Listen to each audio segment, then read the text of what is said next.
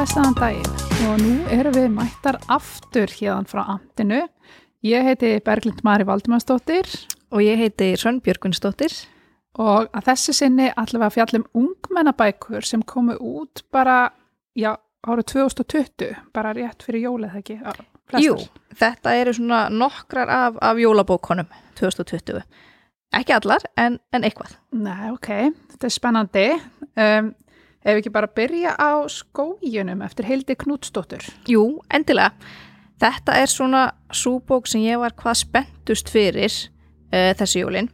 Þetta er semst þriðja bókin í þríleik, Hildar Knútsdóttur.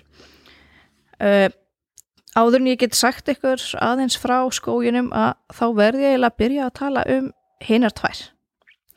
Uh, fyrsta bókin það er Nornin, nei, fyrirsakið, fyrsta bókin er Ljónið uh, og það er rauninni bara svona samtíma saga. Mm -hmm. Þetta er, er svona þroskasaga, stelpu sem heitir Kría og hún sérst er að byrja í, í MR og þetta er svona, já eins og ég segi, þetta er aðalega þroskasaga en það er svona eitthvað undirliggjandi óútskýrð öll í gangi uh, maður verður ekkit rosalega mikið var við það þannig að þeir sem eru ekki hrifnir af fantasíubókum ættu samt alveg að, að vera hrifin af þessari Er þetta dullrænabækur? uh, svona já og nei þetta er nefnilega þrjár bækur sem eiginlega hver og ein er úr sagt ólíkri stefnu Okay. þannig að ég myndi flokka fyrstu bókinu svona mest sem raunsægi uh, og svo í lokin jú verður þarna aðeins svona kemur í ljós að, að, að það er þarna eitthvað hlið yfir í annan heim sem að kríjar naumlega sleppur undan. Uh, og svo er bók nummer tvö Nornin. Hún gerist þess að tæpum 80 árum setna Mm. sem er þá, já bara undir lok þessar alda. Já. og svo bók fjallar um barnabarn hennar kríu. Og þetta er framtíðarsaga eins og náttúrulega gefur að skilja þegar hún gerist undir lok þessar aldar og hún flokkast eiginlega sem svona klæfæ sem er, er svona ný Já. stefna í, í, í bók- Lofslags. lofslagsbókmyndir, einmitt og það er eiginlega alveg ótrúlega merkilegt að lesa þessa bók og maður þarf í rauninni ekkit endilega að hafa lesið ljónið áður en maður les þessa, það er það náttúrulega skemmtilegra Já. en hún er stendur alveg stök og það er svo, svona skemmtilegar pælingar sem að, sem að hildur með. Uh, varan til dæmis í þessari bók þá hefur golfströymurinn farið af leið. Þannig að Íslandi hefur bara verið virkilega kallt og það er talað um reka ís árin sem að, sem að sem sagt, aðalpersonan er fætt á. Uh, það er engin hérna engar, engin lönd eða þjóðir lengur, það er bara ein saminu þjóð, saminaða þjóðin. En samt það er, það er ekki, ekki fullkomið það er alveg svona pólitískur og svona óstöðuleiki og, og það er verið að plotta einhver mótmæli hér og þar og það er spilling mm -hmm. uh, allir eru hættir að borða kjöt og aðalsögupersonu hugsa til þess með hryllingi að fólk hafi áður geta lagt sér kjöt til munns en, en það er hreinlega bara var afnumið kjöt átt til þess að stemma stigu við loftslags áhrifum þannig að þetta er, þetta er svona skemmtilega pælingar Mm -hmm. Uh, Kría sjálf, sem sagt aðalpersonan í fyrstu bókinni, hún kemur þarna við sögu, þarna er hún alltaf orðin bara vel fullónin kona, bara á, hvað, á týraðisaldri og hún er þarna mjög mikilsvirtur vísindamaður. Hún var til dæmis uh, eina fyrstu manneskjón til að fara til Mars. Og þessi bók endar semst á því að Kría, þessi gamla kona, hún fer í gegnum hliðið sem komið sögu í fyrstu bók og þá komum við að þriði bókinni sem ég ætlaði að tala um. Uh, þarna sem sagt er kría komin í gegnum þetta hlið. Og til að byrja með að þá held, held ég að það væri fantasía. Já. það semst byrja með því að hún kemur hann í gegn og hún hefur yngst. Þannig að hún er rauninni aftur orðin úlingur, jafn gömul og þegar hún fór næstum því gegnum hliði fyrst en hún hefur samt þessar lífsreynslu nýræðrar, nei, týr, já, konu á týræðisaldri og þetta er sem sagt, já veröld sem er svolítið öðruvísi, það er fjólublátt gras, sólin er öðruvísi. Og eins og ég segi til að byrja með þá held ég að þetta væri fantasía en svo náttúrulega er kría vísindamaður þannig að hún fyrir henni fyrir að útskýra allt sem er í gangi hérna, þetta hafi verið ormagöng. Mm. grasið er fjólublátt vegna þess að uh, sólin þarna er ekki einn skær, hún er rauður dvergur og þar að leiðandi er grasið ekki grænt. Og tíminn líður hægar þarna af því að þetta tiltekna sólkerfi er einhver staðar á jæðrinum í vetrabrautinni og ferðast á ljósaða þannig að þetta er svona rosalega svona miklar pælingar og einhvern veginn fatta ég bara já þetta er ekki fantasi, þetta er vísindaskáldsæða Þetta er alveg stór bók. þetta er, þetta er rosalega stór bók. Já, og, en svo er þetta náttúrulega bara þannig séð ævintýri, hún er náttúrulega er þarna í einhverju för, hún þarf að bjarga sér í þessum nýja heimi. Þannig að þetta er opaslega áhugaverð bók. Mm og eins og hinar að það er alveg hægt að lesa hana staka.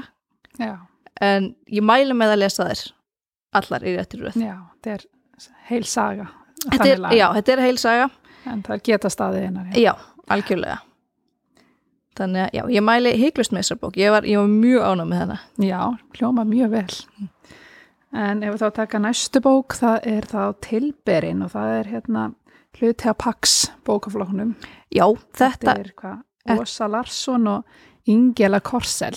Já, svo Larsson er náttúrulega einn af þessum skandinavisku glæpasagnahöfundum Já, akkurat.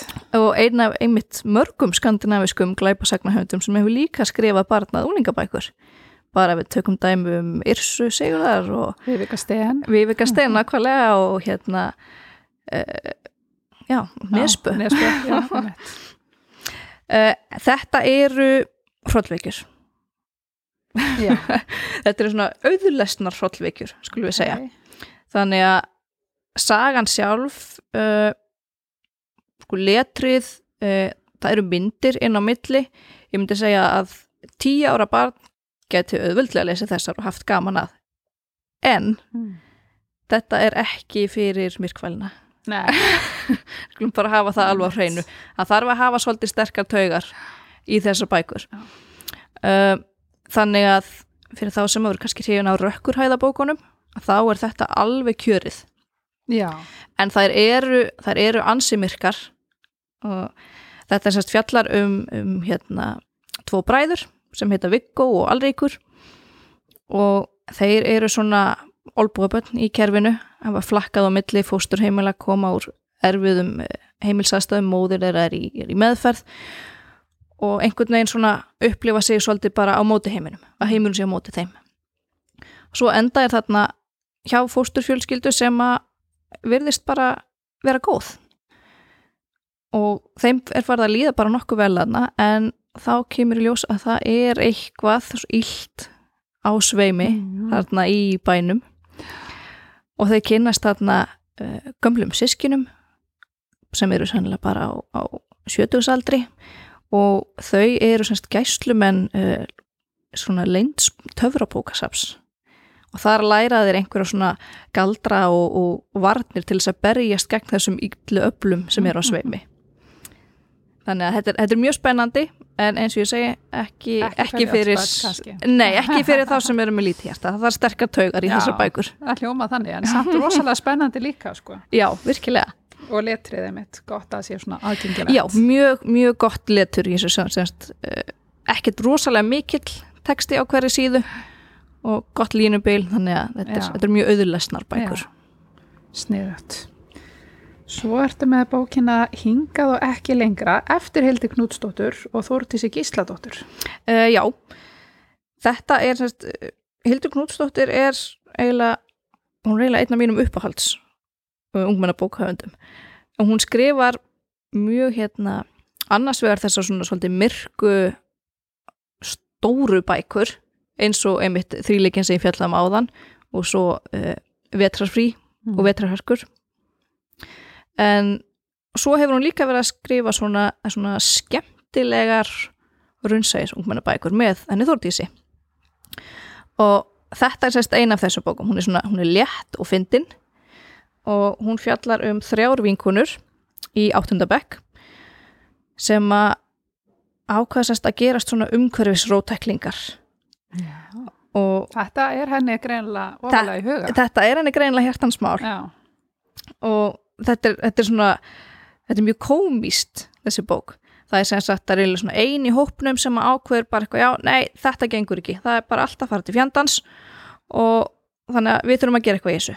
Og hún er mitt er svona rosalega inspireruð af Gretu Thunberg mm. og er farin að sérst ganga alltaf með hárið í tveimur fléttum og á það ósk heitast að eignast gula rakkápu og já, það er sem sagt fara þarna í svona í svona eitthvað eitthvað, eitthvað, eitthvað mission að reyna að bjarga umhverfinu en eitt sem er líka svolítið skemmtilegt við þessa bók eh, er að þetta er held ég í fyrsta skipti sem ég les íslenska ungmennabók þar sem að transstelpa er í einu af aðalhuturkonum Já, frábært. og það er líka svo skemmtilegt af því að þetta er svona bara, það er bara minnst á þetta í svona einhverju framhjálaupi, þetta er ekki þetta er alls ekki eitthvað atrið, Nei. það bara kemur að því að það er sumarið er á enda, það er að fara að byrja eftir í skólanum og þá svona er aðeins minnst á það einum kaplunum að, að hún hafi nú verið pínu stressuð að byrja aftur í skólanum af því að það var þarna um sumarið sem hún svona tók skrefi til fulls og hérna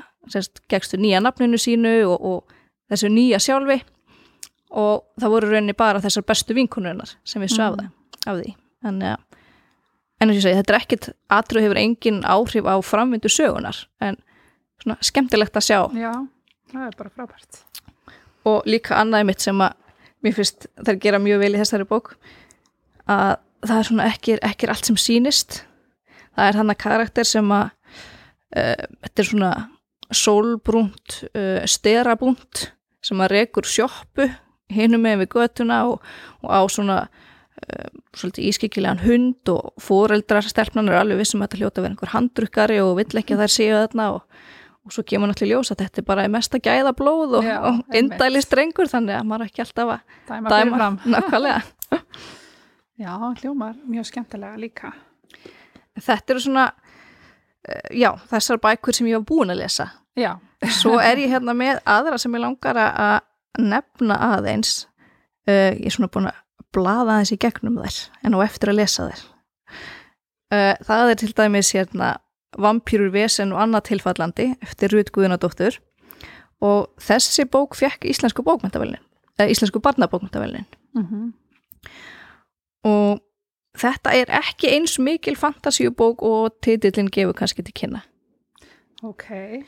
en hún sést eins og eh, eins og hingaðu ekki lengra þá fjallar hún um þrjár vinkonur í áttundabekk og það er fyrir að grunna, það sést kemur einhver, byrjar einhver undarlegu sjúkdómur að herja á kennara og nefnendur og það er fyrir að gruna að kennarinn þeirra sé vampýra og sé að segja satt að valda öllum þessum veikindum. En fyrst og fremst er þetta nú svona bara einmitt svona úlinga saga Já, einmitt.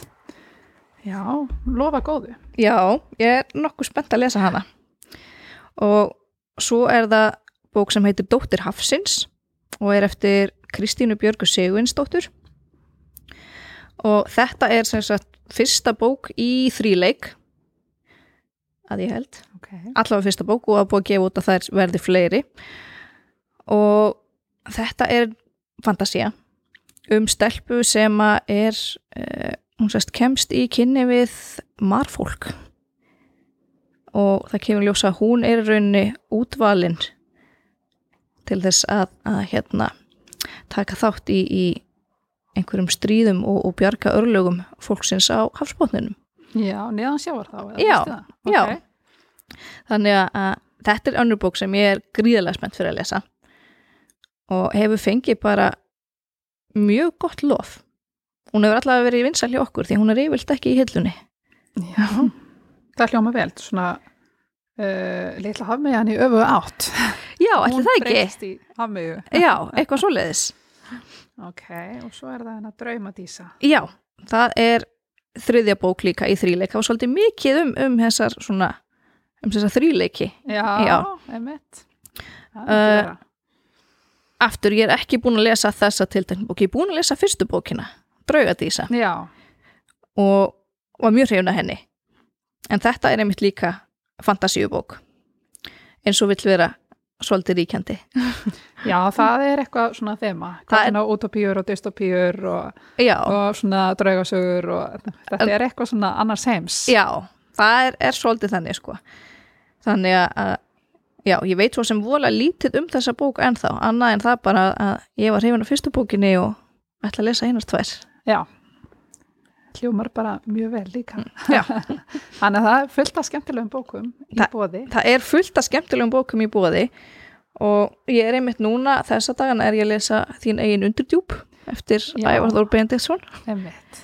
hann er ég að lesa semst með börnunum mínum og ég verð nú bara að segja þó að þetta sé barnabóka þá hef ég alveg útrúlega gaman að henni Já, einmitt.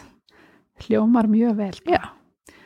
Og hérna, já, bókasafni er lokað núna út af hertum, hertum reglum. Mm -hmm. en það er alltaf að panta bækurina og það er að panta bækur bara með því að ringja á virkum dögum mellir klukkan 10 og 12 svo er líka hægt að senda tölvupóst á bókasafn.amtsbók.is eða bara í gennum leitir.is einfallega með því að skrá sig inn.